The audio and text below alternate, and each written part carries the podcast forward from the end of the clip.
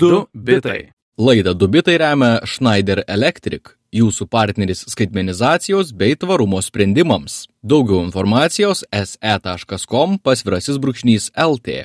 Sveiki klausytojai, čia laida Dubitai, kurioje kaip ir kiekvieną savaitę sėdime mes studijoje ir apžvelgsime svarbiausias technologijų naujienas. Aš esu Lukas Keraitis, šalia sėdi Jonas Lekevičius. Labas, Jonai. Labas. 2x2 keturi, o žinai kas yra 2x2 x2? 8. 44. Antra dviejų bitų antro sezono laida, 44 laida. Tragiška, aš, aš, aš matematikoje gerai, kad esi tu čia. Tai džiaugiamės. Antroji sezono laida, smagu, temų tikrai netrūksta, apie ką pakalbėti šiandien turime. Bus ir papūri, bus ir pratesta praeitos savaitės tema Būtų įdomu pradėti nuo tokios naujienos, kad Lukašenka pristatė baltarusišką nešiojamą kompiuterį, kas matė tą video e, sklandžiojantį internete, jis toksai gana jokingas, nes labai rimtai viskas atrodo. Norėtume papasakoti, ką nors daugiau, žadėjau Jonai pasigūglinti, pasidomėti, kas ten yra, bet aišku tik tiek, kad e, Baltarusija turi savo nešiojamą kompiuterį, 12 procentų detalių jame yra baltarusiško, žadama iki metų pabaigos bus 30. Ir Lukašenka tuo labai didžiausias studentams ir moksleiviams e, pristatydamas jų Horizon gamykloje pristatytą laptopą. Jeigu kažkas gausite progą pačiupinėti, duokite mums, mes išardysim, pažiūrėsim, kaip jisai veikia. Aš nekantrauju pakeisti savo MacBooką Lukašenkos buku. jo, įdomu būtų, kaip jisai veikia. Tai jeigu kažkas gausite tą kompiuterį, tai duokite mums. O pradėsime šiandien laidą nuo tokių socialinių medijų naujienų papuri, kadangi jų prisikopė labai nemažai ir turime naująjį, naują muzikinį skirtuką naujienoms. Taip jisai skambės, man atrodo visai gal ir neblogai, kad atkreiptų jūsų dėmesį, kad tai yra nauja naujiena. Tad e, štai prisikopė visko. Pirmiausia, dar vasaroje, tai yra rūpiučio antroje pusėje, meta vadovas, visiems žinomas Zuckerbergas, pasidalino savo avataro selfiu, pristatydamas naujieną, kad Horizon Worlds ima veikti Italijoje ir Ispanijoje. Horizon Worlds be abejo yra tas meta visatos e, na, programa, kurioje gali pasivaikščioti, bet e, esmė kame, internautai stipriai įsišaipė iš Zuckerbergo selfio, e, nes jisai atrodė labai prastai, prastos kokybės. Nuotrauka atrodė lyg iš 2003 metų Lara Croft žaidimo galbūt, netgi teko Zuckerbergui po kelių savaičių kelti naujesnį ir sakyti, ei, ei, ei, Facebooko meta visatoje grafika bus gera. Tad e, kokia išvada iš to? Internetas yra negailestingas, tarsi sužinojome, ką nors naujo. Jis visiškai nusipelnė, su, suklyjuodamas Lesegradę familiją katedrą su, atrodo, koliziejami į vieną vaizdą, atrodo tragiškai ir nusipelnė visų, visos kritikos, kurią gavo. Praktikantui davė padarytą nuotrauką, mm -hmm. sako, tai va, žodžiu, žmonės nori geros kokybės meta visatose. Kitas dalykas - Twitteris. Twitteris testuoja tweetų redagavimo mygtuką, tai yra vadinama labiausiai laukta Twitterio funkcija. Šią funkciją galės naudotis tik mokamos Twitter Blue versijos naudotojai, berats 5 doleriai į mėnesį, ar ne, ne taip uh -huh. brangiai, nelabai kas Lietuvoje tai naudoja. Neleidžia, aš labai norėčiau. Neleidžia. Mm. Deja. Tai man tiesiog smagu stebėti, kaip Twitter auditorija jautriai reaguoja į bet kokius pokyčius, net Twitteris pats tvitindamas šitą naujieną sako, this is happening and you'll be okay. Tai vyksta ir, ir viskas bus gerai, mes išgyvensime. Problema su, su, su, su kodėl jie taip atsargiai, nes atrodo, žinai, Facebookas prieš 15 metų padarė redagavimo įrašą. Twitter'e naujienos sklinda šviesos greičiu Ir net jeigu, pavyzdžiui, padarai tokią taisyklę, jog tik 15, tik 15 pirmų minučių gali redaguoti tweetą, mhm. galbūt tweetą jau bus pamatę 2 milijonai žmonių ir jeigu tu pakoreguosi jį po to, kai jau bus išsklidęs, gali būti nelaimingų situacijų. Todėl jie taip itin atsargiai, žiauriai, ryškiai rodys, jog tweetas buvo paredaguotas ir taip toliau. Tai Tikrai. suprantamas atsargumas, bet visi laukia. Labai jautriai. E, kita naujiena iš socialinių medijų popuri - Snapchat. E, valdanti Snap kompanija atleidžia 1300 darbuotojų, kas yra 20 procentų jų darbuotojų. E, žadėtasios papildytosios realybės akinius išleis dar vėliau negu, negu kalbėjo. Aš spėjau, kad jau jie bus pavėlavęs tais akiniais. Kas man įdomu yra, kad e, vos po keturių mėnesių nuo naujienos, kurią mes apkalbėjom, kad e, Snap darys savo Pixie dronus, tokius mažus, lengvus dronus, kurie skrandžius iš paskos su kameromis, iš kurių mes su Jonu, man atrodo, visai juokiamės. Mm, labai nerimtai žiūrėjome juos. Taigi, juos atšaukia, e, kaip be, be maž išgirdę mūsų priekaištus Snap. Mm, tai sunkiai sekasi šiam socialiniam tinklui. Kaip socialinis tinklas, aš neturiu ką pasakyti, bet verslo sprendimai kartais iš jų pusės tikrai, mes nekartą esame minėję, keistokie. Tad kitą kartą prieš leisdami naują produktą pasikonsultuokite su mumis, nereiks užgaisti tuos keturis mėnesius, ar ne, Jonai? Žinoma. Kartais atspėjom, pas, pasikėliau savo uodegą, bet kartais mes atspėjom kažką. Tiktokas be abejo apie tiktoką. Panašu kad ruošiasi lįsti dar giliau į muzikos verslą Byte Byte Dance kaip reiktų tarti Byte Dance? Byte Dance em, kurie valdo tiktoką. Gegužę jungtinėse valstijose registravo tiktok music. Tai yra paslauga kuri aprašyta kaip leis a, kl- leisianti klausytis dalintis pirkti ir parsisiųsti muziką. Tad neaišku kas čia bus dar bet aišku tik kad tiktokas tikrai yra svarbus muzikos tendencijose. Jeigu atsimenat prieš porą metų buvo video kur vienas tiesiog vaikinas vyras geria sultis ir mm, važiuoja su riedlente ir ten skamba Flackwood Mac Dreams kūrinys, oi, kaip man jis patinka. uh, ir tada jis iš, iškopė vėl į topus šis kūrinys. Tad iš tikrųjų muzikoje tik tokas tampa vis svarbesnis ir jis kažką ruošia mums. Tad lauksim. TikTokas yra tokia įdomi transformacija bendrai muzikos industrijoje, kur jeigu ten kas atsimena senolius, tai albumas buvo toksai dedamoji dalis ar, ar vienetas, ką tu klausydavai, vėliau su individualiom dainom ir prasisuntimu staiga daina tapo tas vienetas. TikToko video yra tokie trumpi ir tokie intensyvūs, jog staiga net daina jau yra per didelis. Vienetas, tai yra soundbitas, kažkoks muzikos gabaliukas ar vienas motyvas iš dainos, kurį visi pasigauna, visi cituoja ir tau reikia, jog dainoje būtų kažkoks tas kabliukas, kuris eitų per visą TikToką. Aš nebijoju, kad muzikos prodiuseriai jau dabar į tai atsižvelgia ir kurdami galvoja, va šitas 20 sekundžių tai tiks tik tokui iš tos Mhm. dainos. Uh, Trumpo, Donaldo Trumpo buvusio prezidento uh, socialinis tinklas Truth Social sėkmingai ir toliau yra dugne, kaip ir mes prognozavome ir sakėme, Google Play Store šiaip šiuo metu nebeleidžia parsisiųsti šios programėlės dėl taisyklių pažeidimų, uh, viešų raginimų jame susidoroti ir panašiai. Tad uh, 40 procentų jungtinių valstybių rinkos turi Android, tiek žmonių valstijų, jungtinėse valstijose negali parsisiųsti šio socialinio tinklo, kuriam, na, tiksliai, tiksliai, tiksliai nesiseka. Tarp kitko įdomus faktas, Trumpas per kažkurią čia parą, praėjusią savaitę, per vieną parą papostino 88 kartus daug kalbėdamas apie sąmokslo teorijas. Man net darosi smalsu nueiti į tą socialinį tinklą, bet kadangi nesu iš jungtinių valstijų, tai neduoda prisijungti. Gaila. Aš manau, šito istorijoje gal net labiau stebinęs faktas yra tai, jog Apple visgi įsileido Truth Social. Mm. Nes jeigu Google turėjo pakankamai argumentų, ir šiaip jų argumentas yra, jog socialinis tinklas yra nepakankamai moderuojamas, kas yra pilnai suprantamas argumentas, jį lygiai taip pat galėtų taikyti Apple, kažkodėl dar pasirinko netaikyti, galbūt laiko klausimas, nes pažiūrėjęs, jog Google užblokavo, tai ir jie norės mm -hmm. šitą triukšmą pasinaikinti iš savęs. Bet Trumpo socialiniam tinklui tapti sėkmingu dabar atrodo, na, ekstremaliai mažai šansų. Kitas socialinės medijos platforma, kuriai daug geriau sekasi, yra OnlyFans, kuri be abejo žinoma dėl savo erotinių ir pornografinio turinio taip pat nepaslaptis, bet legalaus turinio. The Guardian vadina OnlyFans vienu finansiškai sėkmingiausių Britanijos startuolių ir nebereikalo. Pelnas prieš mokesčius per praėjusius metus pakilo 615 procentų ir daugiau nei 400 milijonų dolerių pajamų pavyko surinkti vos su 61 darbuotojų. Uh, puikūs skaičiai, beveik 200 milijonų naudotojų šiuo metu yra šiame tinkle. Um, tai žodžiu, tikrai, tikrai neblogai sekasi jam.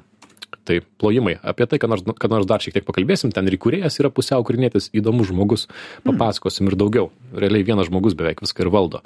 Man be neįdomiausia naujiena yra su Spotify, kurie Vietname labai netikėta rinka, eksperimentuoja su nauju auditorijos įtraukimo būdu, tai yra audio reakcijomis į podcastus.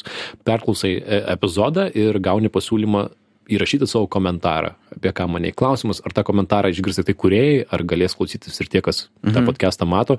Bet kaip įdomu, kaip Taip. mums būtų įdomu, ar ne, jeigu kažkas mums... Taip, uh, jei ką, du bitai yra Spotify, jeigu Taip. galbūt klausotės jau per tenai, jeigu nenorite klausyti per radiją, galite savo jums tinkamų laikų paklausyti.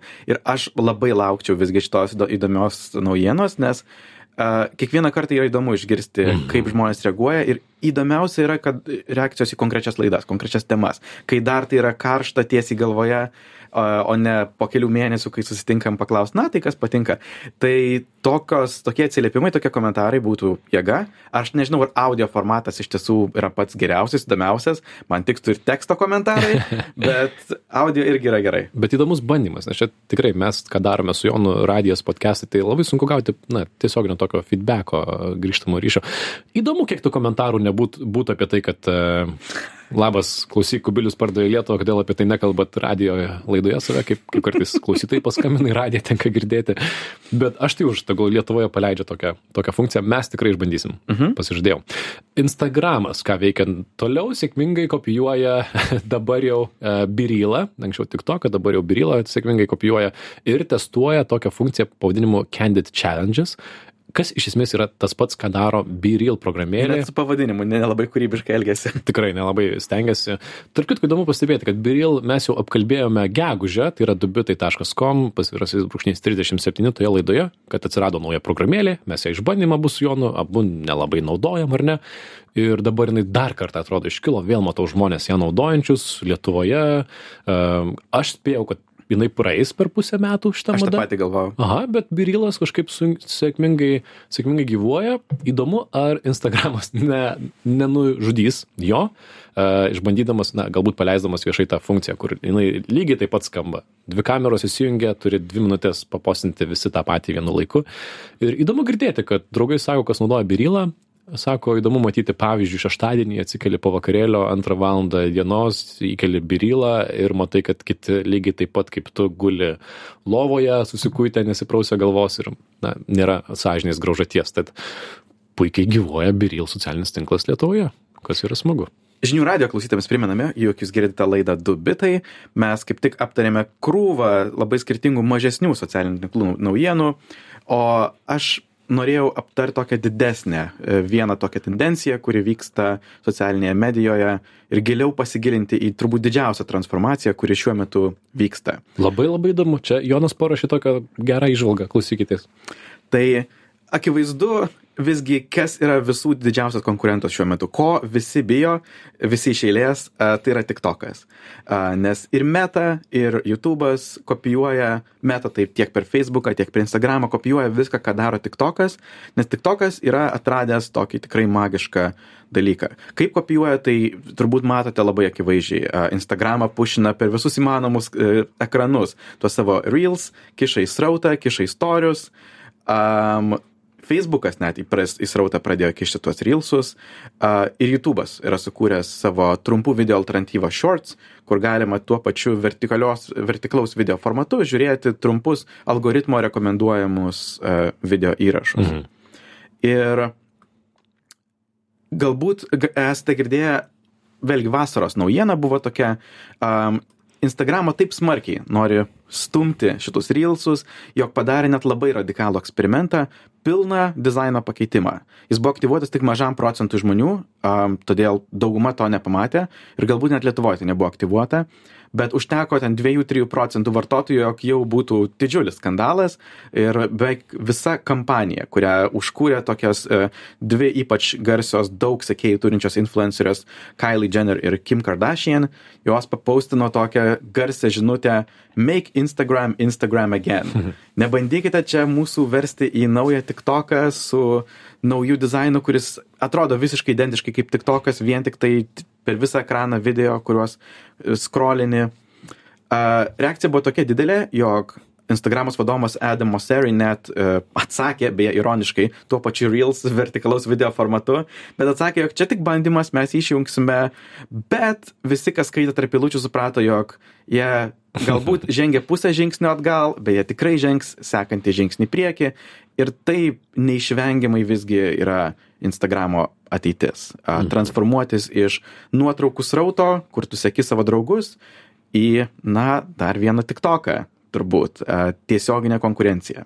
Taip. Ir įdomiausias klausimas, tai kągi tik to, kas daro taip sėkmingai, kad visi nori jį kopijuoti. Mhm, kame tas sėkmės receptas? Ir jie pastebėjo keletą tokių ypatingų inovacijų, kurios veikia labai darniai kartu. A, Pagrindinis dalykas, na, gal net mažesnis dalykas būtų jų e, formatas. Jog jie pilnai prisėmė, jog visas turinys yra vertikalus video, tau nereikia lenkti telefono, tiesiog įsijungi ir gali, gali minutę praleisti, gali pusvalandį praleisti, e, scrollindamas per tuos video, nereikia jokio mąstymo, tiesiog eini nuo vieno video prie kito. Bet visgi kitas ir žymiai didesnis, žymiai labiau jiems sėkmę atvedęs pastebėjimas buvo, kas varžo Instagramą ir Facebooką, tai yra, jog jie yra pažadėję tau, jog turinys bus tavo seka, sekamas turinys, tavo draugų ratas. Tik tokas niekam nieko tokio nežadėjo. Tu gali sekti tuos žmonės, bet visgi sekimas yra tokia rekomendacija geriausiu atveju. Mhm. Ir visą tavo turinį valdo visagalis algoritmas. Tau tik tokas įsijungus appsą rekomenduos tą turinį, kurį mano, jog tau bus įdomiausia žiūrėti iš viso pasaulio turinio. Ir jie nėra suvaržyti nekiek tuo turiniu, kurie, kurį gali tau rodyti ir todėl visi džiaugiasi tuo, ką jiem pasiūlo, tas toks nesibaigiantis asmeniškai tau pritaikytas rautas. Tad čia yra ta paslaptis, kurią visgi taip smarkiai nori kopijuoti visi iš eilės.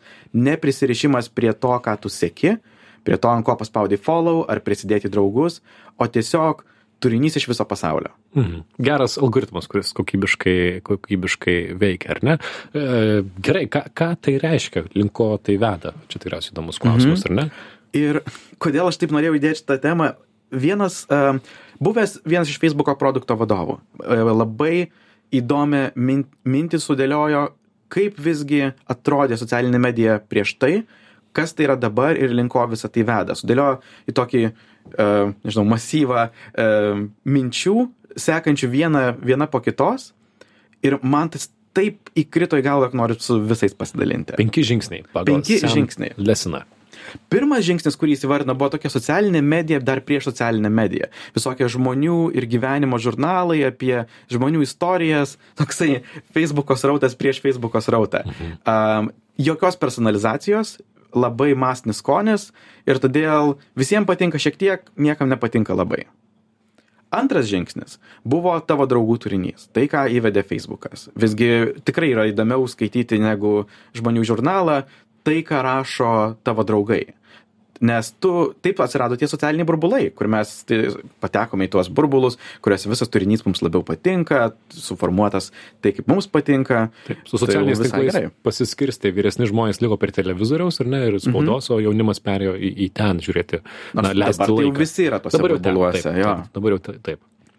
Ir tada trečias žingsnis yra, kaip pavadino um, Facebooko vadovas, kurio vardą net, net, net nepaminėjau, uh, Sam Lesson. Jis pavadino, jog atsirado profesionalūs draugai, arba tai, ką mes dabar vadiname influenceriais. Tie žmonės, kurie sus, surado labai daug sekėjų, jie pradėjo kurti labai kokybišką turinį ir juos yra įdomu turėti savo straute, uh, profesionalūs draugai. Ir vėlgi, tai yra žingsnis į priekį. Vien todėl jog na mes turbūt įdomiausia norime skaityti tokį kokybiškai sukurtą turinį gerą turinį ir tai jiems atvedė labai didžiulę įtaką. Vėlgi a fantastiški ten sandoriai sponsoriavimai ir taip toliau. A galima sakyti jog mes esame dabar čia ir taip ir taip prasidėjo influencerių era nes eiliniai naudotojai suprato kad jeigu tu nori būt aktualus ir rodomas socialiniuose tinkluose turi turi įdėti nemažai pastangų laiko mhm. galvoti tą postą ar video ir panašiai. Čia žymiai geriau man atrodo tai vyko prieš šešis penkis metus jo, gal sakykime jo. ir dabar gal šitos eros jau kokia pabaiga. Mhm. ir tas ketvirtas žingsnis yra tai kur visgi veda tiktokas. Vietoj to jog mes turime pasirinktą srautą tokių kabutėse profesionalių draugų arba influencerių visgi algoritmas paima ir visą pasaulio turinį pasako, jog tas algoritminis visi nugali tuos influencerius. Ir jeigu algoritmas yra geras ir jeigu yra daug žmonių, kurie yra motivuoti, nori kurti turinį, tai visą laiką bus įdomiau stebėti konkrečiai tau siūloma pagal tavo net elgesį, kai, į ką tu žiūri, kur tu praleidi daugiausiai laiko, visiškai pagal tavo skonį suformuotą srautą, kurio niekiek nereikia tvarkyti, nereikia followinti žmonių ar nutildyti jų, jeigu nebeįdomiai pradeda rašyti, arba žiūrėti skaityti tik tai kai kurių jų įrašų. Ne, algoritmas valdo viską, ką tu matai ir tai visgi yra ta era, kur mes dabar einame. Taip, kur mes, sakykime, gal esame beveik dabar, dabar jau čia, na, mm -hmm. kur tik tokas mus veda, ar ne? Tai yra Taip. algoritminis turinys, trumpai pasakyti. Ir kur turbūt Instagramą bus po metų, jeigu vėlgi vartotojai nešauks per daug garsiai, jog mes nenorime pokyčių. Mm -hmm. Ir tas beje paaiškina, kodėl taip smarkiai Kim Kardashian ir Kylie Jenner šaukia ant visų, jog, ei, nekeiskit mūsų Instagramos, nes jos buvo šitos Instagramo srauto valdovės. Jos turėjo šimtus milijonų sekėjų ir jeigu algoritmas perima to srauto valdymą staiga visa ta įtaka prapuola. Taip nes na sek sekėjų skaičius praranda prasmę ar ne? Nes pavienis turinio vienetas ima ima valdyti srautą. Ir koks yra penktas žingsnis? Kas bus po tiktoko? Mm. visgi mąstymas yra jog jeigu jau algoritmas gali valdyti turinio parinkimą iš viso pasaulyje esančio turinio kodėl nekurti turinio specialiai tau?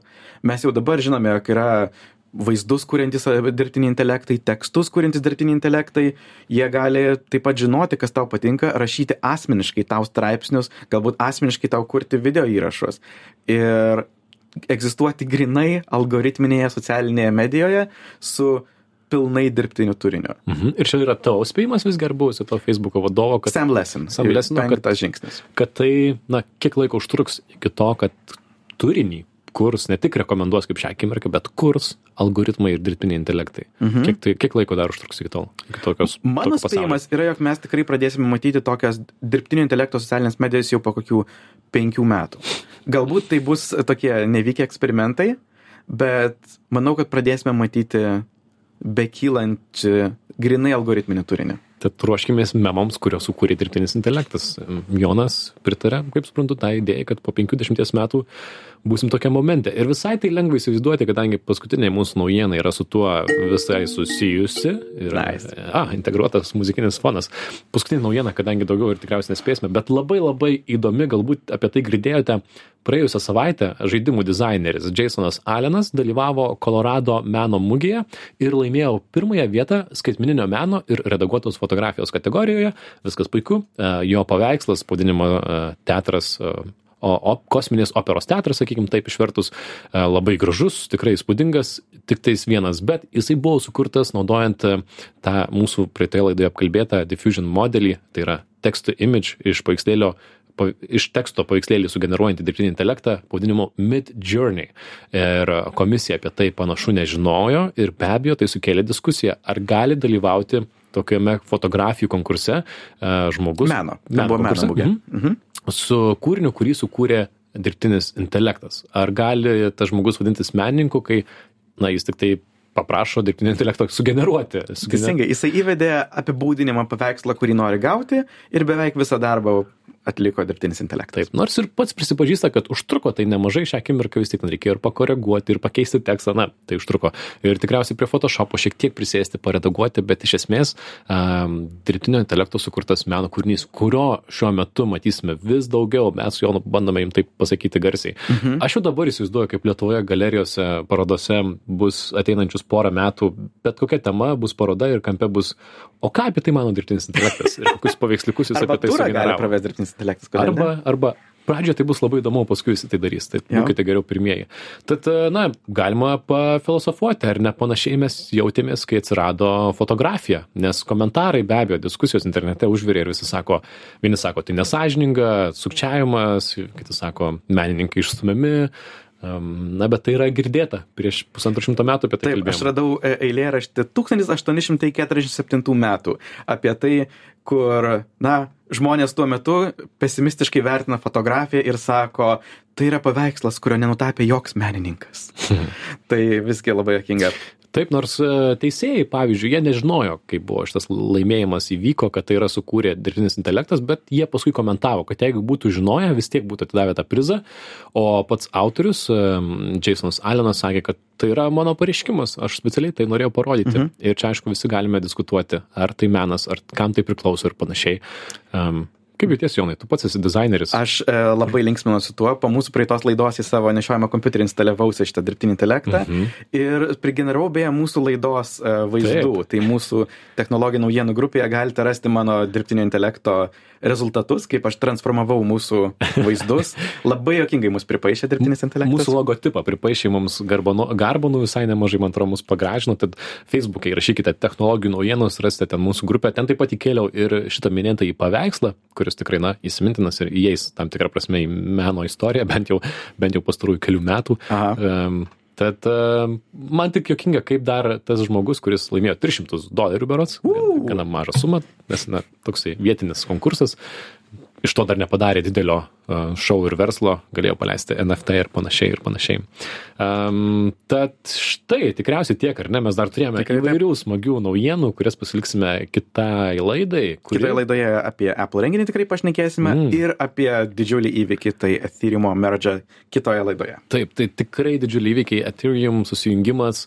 U, sudėtinga tema, aš jau dabar galvoju, kaip mes tik tilpsime į kitą, kitą savaitę, bet tai yra be ne laukiamiausia tema mūsų šį, šį rudenį - Apple renginys ir Ethereum susijungimas, tad tikrai nepraleiskite kitos savaitės laidos. Kitą savaitę ir Liono gimtadienis bus, tad jam atsiųskite linkėjimus e, mums į studiją tortą, mes ne prieš. E, Kaip visada, Nuorodas į epizode minėtus šaltinius rasite mūsų svetainėje dubitai.com. Mūsų galima klausytis ir kaip tinklalaidę, kur tik jums patogu per Spotify ir kitas tinklalaidžių programėlės, žiniųradijas.lt, visi laidų įrašai, o čia mes buvome Lukas Keraitis ir Jonas Lekevičius. Pasimatysim kitą savaitę. Iki. Iki. Du bitai. Laidą Dubitai remia Schneider Electric, jūsų partneris skaitmenizacijos bei tvarumo sprendimams. Daugiau informacijos se.com pasvirasis brūkšnys LT.